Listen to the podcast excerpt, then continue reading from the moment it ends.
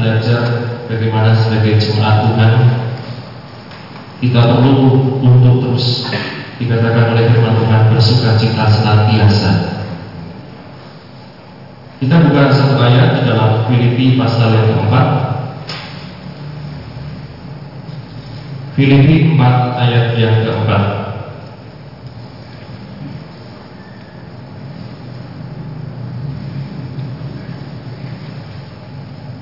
Filipi pasal 4 ayat yang keempat.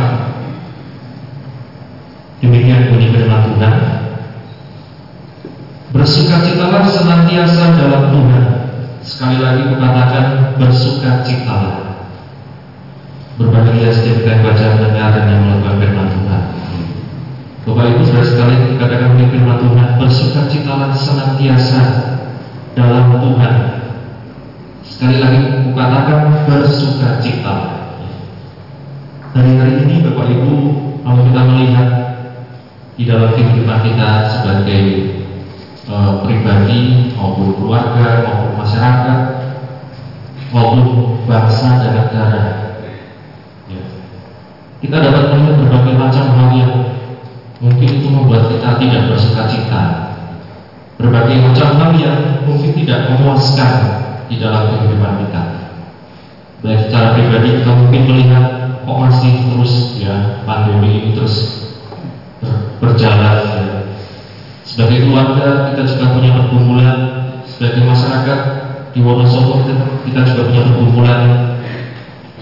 Lebih-lebih kita lihat sebagai bangsa dan negara Bapak Ibu Saudara sekalian Berbagai macam demo, ya, aksi dan lain-lain Seakan-akan kalau kita lihat setiap hari menghilangkan yang namanya sukacita di dalam hati ini berbagai macam ketidakpuasan yang A tidak puas sama si B, B tidak puas sama si A dan lain-lain. Firman Tuhan kalau kita lihat Bapak Ibu Rasul Paulus menasihatkan kepada jemaat di Filipi untuk selalu bersukacita.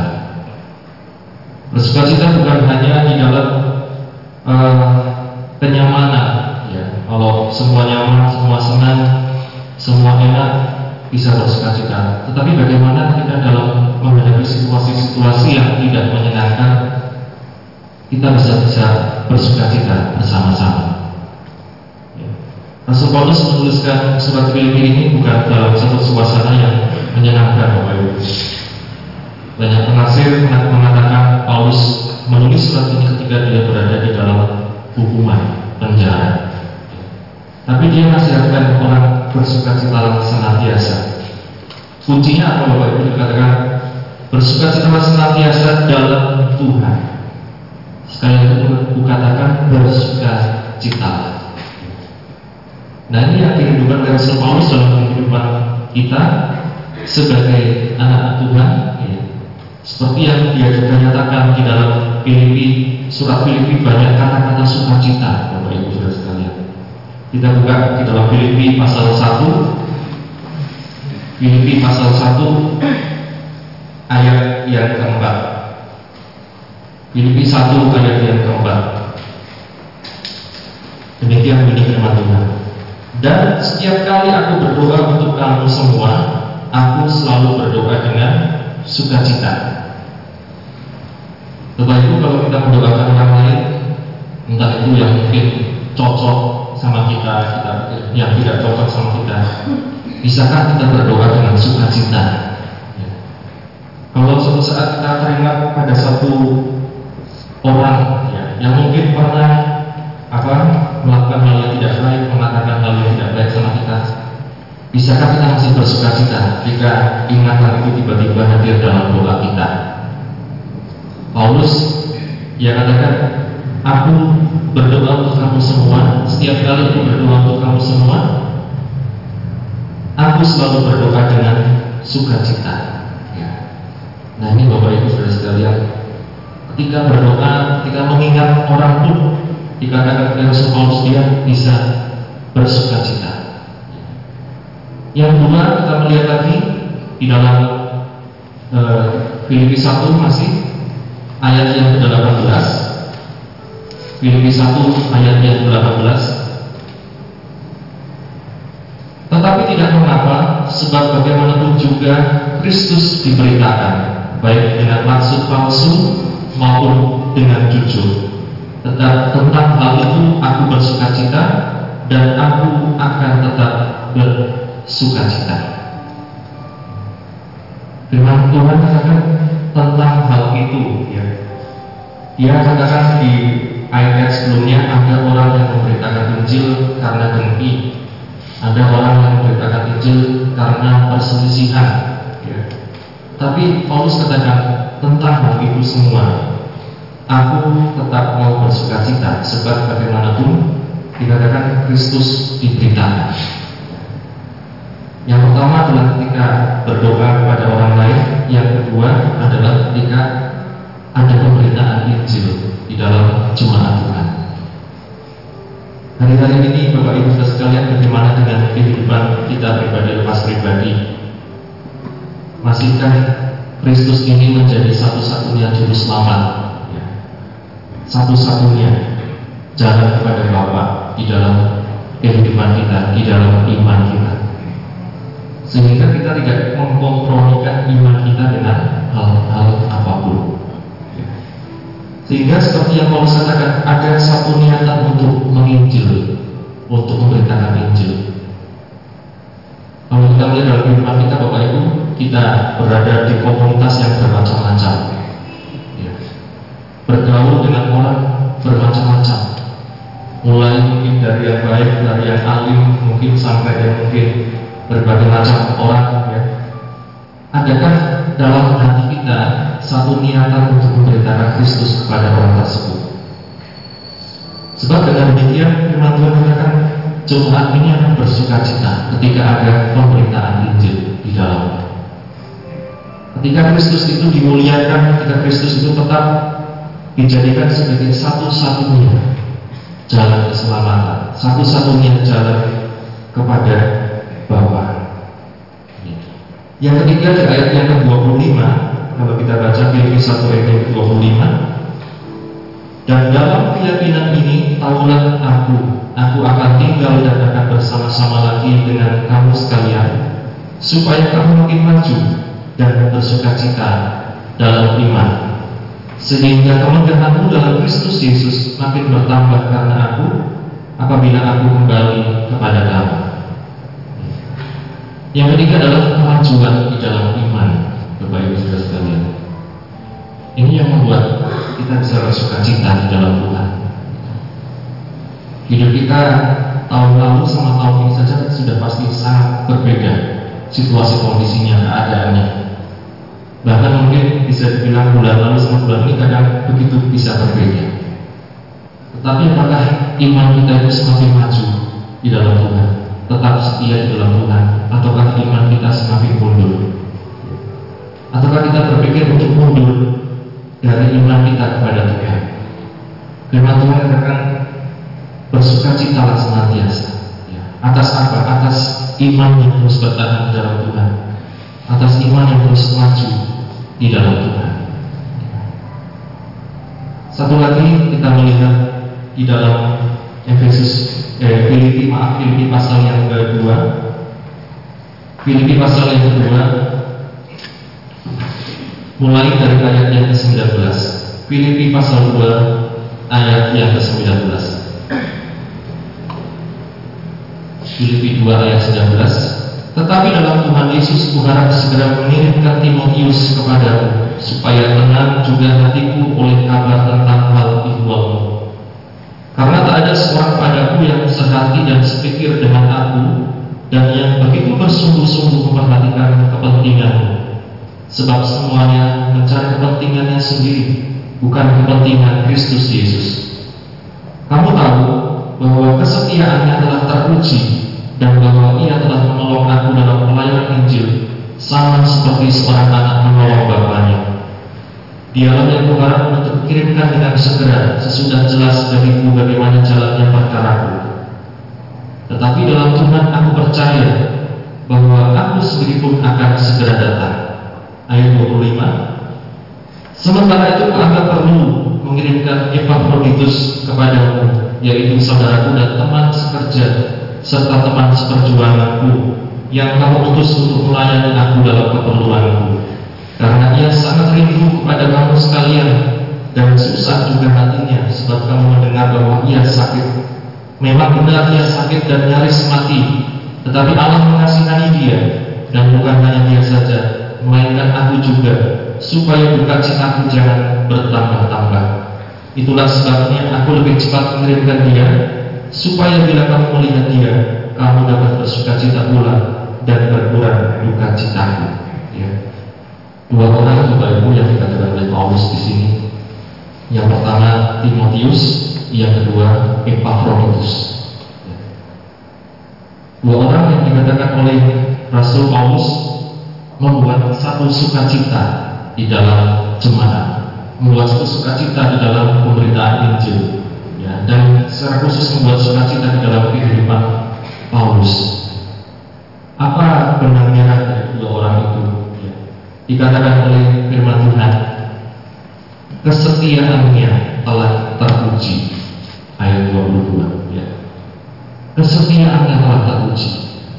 Hmm. Ternyata Bapak Ibu kesetiaan itu sering kali butuh ujian ya. entah kesetiaan terhadap uh, mungkin keluarga, pasangan, ya. terlebih-lebih kesetiaan pada Tuhan, iman pada Tuhan. Paulus katakan Timotius ini seseorang yang kalau di uh, surat lain katakan dia sebenarnya punya kelemahan secara kesehatan, ya. pun sering kali bermasalah tambahkan sedikit anggur ketika engkau minum ya, karena pencernaanmu sering kali bermasalah. Timotius ini seorang yang punya kelemahan, tetapi jangan tanyakan kesetiaannya. Ya. Kesetiaan telah teruji, sebab dikatakan apa? Dia itu ibarat seorang anak yang menolong bapaknya dalam pemberitaan Injil. Ya. Yang kedua, Epaphroditus, ya, dikatakan Rasul Paulus Penampilannya sama ya, kesetiaannya teruji walaupun dia pernah sakit dan nyaris mati. Ya. Bapak Ibu ini kalau kita berbicara tentang ujian iman ini berbagai macam hal bisa menguji kita. Ya. Salah satunya bahkan dikatakan dengan sakit bahkan nyaris mati. Tapi apa yang kita lihat Bapak Ibu? Epaphroditus katakan dia mengatakan, tetapi Allah mengasihi dia. Bukan hanya dia, melainkan aku juga supaya duka cita jangan bertambah-tambah.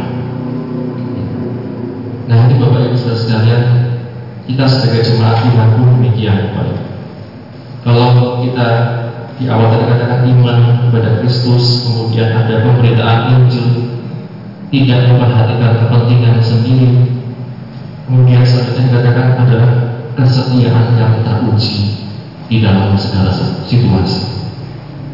Ini yang dikatakan oleh Rasul Paulus membuat satu sukacita baik kepada jemaat Tuhan, baik kepada Rasul Paulus, baik kepada Tuhan. Ini Bapak Ibu dikatakan bersukacitalah senantiasa. Bersukacitalah senantiasa di dalam Tuhan. Saat nyaman, saat tidak nyaman, saat mungkin sehat, saat diizinkan Tuhan sakit, firman Tuhan tetap katakan bersukacitalah senantiasa. Yang terakhir Bapak Ibu ada satu yang disorot oleh Rasul Paulus di sini kita dalam Filipi pasal yang keempat Filipi pasal yang keempat. Ayat yang kedua sampai ayat yang keempat.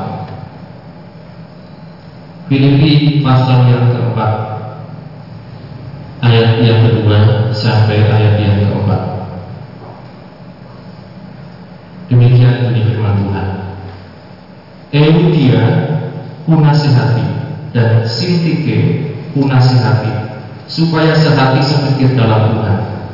Bahkan meminta kepadamu juga temanku yang setia tolonglah mereka. Karena mereka telah berjuang dengan aku dalam perkabaran Injil bersama-sama dengan Clemens dan kawan-kawanku sekerja yang lain yang nama-namanya tercantum dalam kitab kehidupan. Bersukacita senantiasa dalam Tuhan sekali lagi dikatakan bersukacitalah dalam jemaat Filipi ternyata ada masalah Bapak Ibu yaitu ada dua orang ya. dua orang katakan Eudia dan Sintike ya.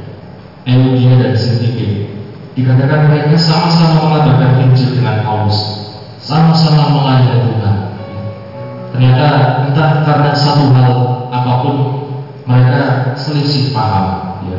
terus sebabnya Paulus katakan Eudia menasihati Sintike menasihati supaya sehati sepikir di dalam Tuhan sehingga apa dikatakan jemaat itu terbangun, jemaat itu terus bertumbuh di dalam Kristus. Eudia menasihati, Sintike menasihati supaya sehati sepikir dalam Tuhan. Sukacita akan ada, ya. Sukacita akan terjadi ketika ada kesatuan di dalam tubuh Kristus. Ketika ada kesatuan di dalam tubuh Kristus, sesama tubuh Kristus, sesama anak Tuhan, sesama pelayan Tuhan, firman Tuhan katakan ketika ada kesatuan di sebelah sukacita. Sebab dikatakan ketika tidak ada kesatuan, ya maka tidak akan ada sukacita. Sebabnya dikatakan di e, nasihatnya setelah Paulus katakan tentang Eudia tentang Sintike, bahkan dia minta tolong pada temannya lagi Sugos ya untuk sama-sama membantu. Dikatakan tidak seperti dikatakan bersukacitalah senantiasa di dalam Tuhan. Jadi Bapak Ibu sudah sekalian sebagai Tuhan yang berpusat pada Kristus, ya, kita selalu ingat pada korban Kristus yang telah menyelamatkan kita. Kita selalu ingat pada Kristus yang dikatakan menanggung hukuman ganti sukacita yang seharusnya ditanggungan pada kita. Firman Tuhan katakan jangan sampai kita melupakan apa yang sudah dilakukan Kristus itu. Jangan sampai kita melupakan apa yang sudah dilakukan oleh Tuhan Yesus Kristus itu. Sehingga kesimpulannya ya kalau di dalam hal ini pengampunan adalah juga jalan menuju sukacita. Sesama anggota keluarga mengampuni akan ada sukacita dalam keluarga. Sesama kemudian pasangan satu dengan yang lain suami istri saling mengampuni akan ada sukacita di situ. Demikian juga dalam kita e, bergereja, berjemaat, berbangsa, bernegara, bermasyarakat. Jika kita punya hati mengampuni, ya, akan ada sukacita di situ. Ya. Nah ini Bapak Ibu Saudara sekalian yang Paulus katakan kepada jemaat di Filipi. Dalam kita menjalani hidup ini, jangan sampai terlepas dari iman kita ya, kepada Kristus. Jangan sampai kita melupakan pemberitaan Injil. Jangan sampai kita hanya memperhatikan kepentingan sendiri. Tapi mari kita belajar dari Timotius dan Epaphroditus memiliki kesetiaan yang teruji. Setia yang teruji dalam segala hal. Sehingga kita tidak terjebak dalam Eudia dan Sintike ya, yang karena satu dan lain hal mereka berselisih paham akhirnya tidak menimbulkan sukacita. Ini mari kita terus berpusat pada Kristus melihat korban Kristus yang begitu nyata di dalam kehidupan kita. Ayat yang paling terakhir kita buka dalam Yesaya pasal 35. Yesaya pasal 35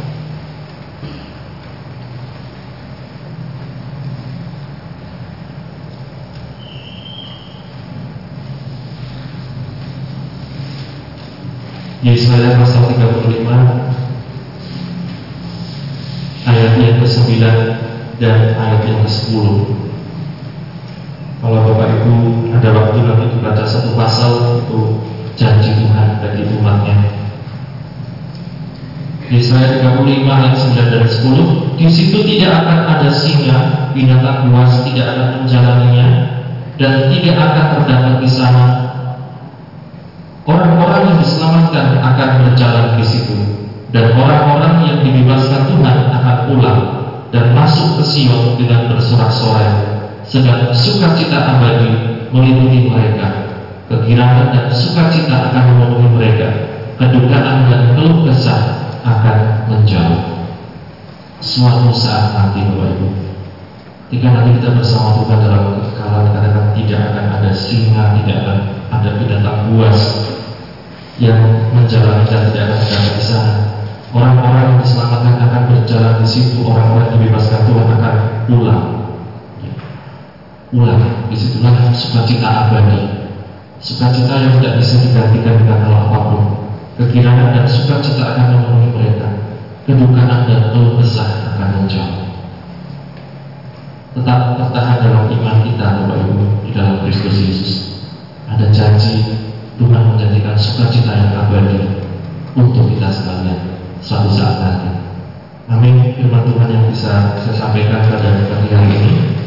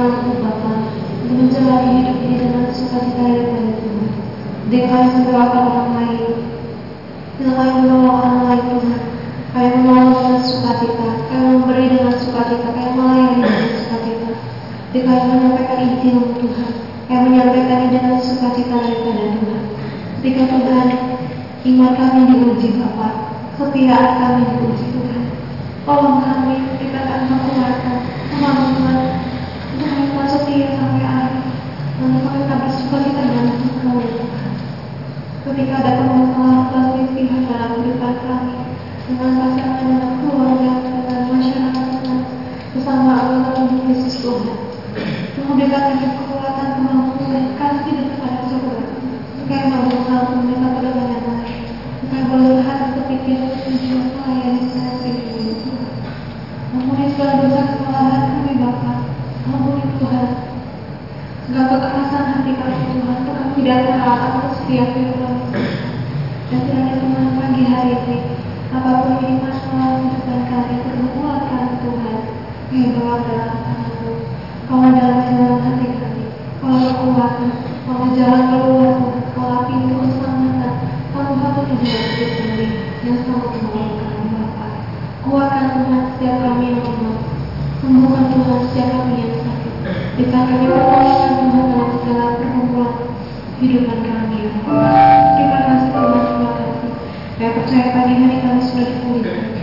Pagi hari ini kami sudah dimenangkan dalam Tuhan. Kami sebagai dalam Tuhan. Dan kami boleh bersuka cita. Pulang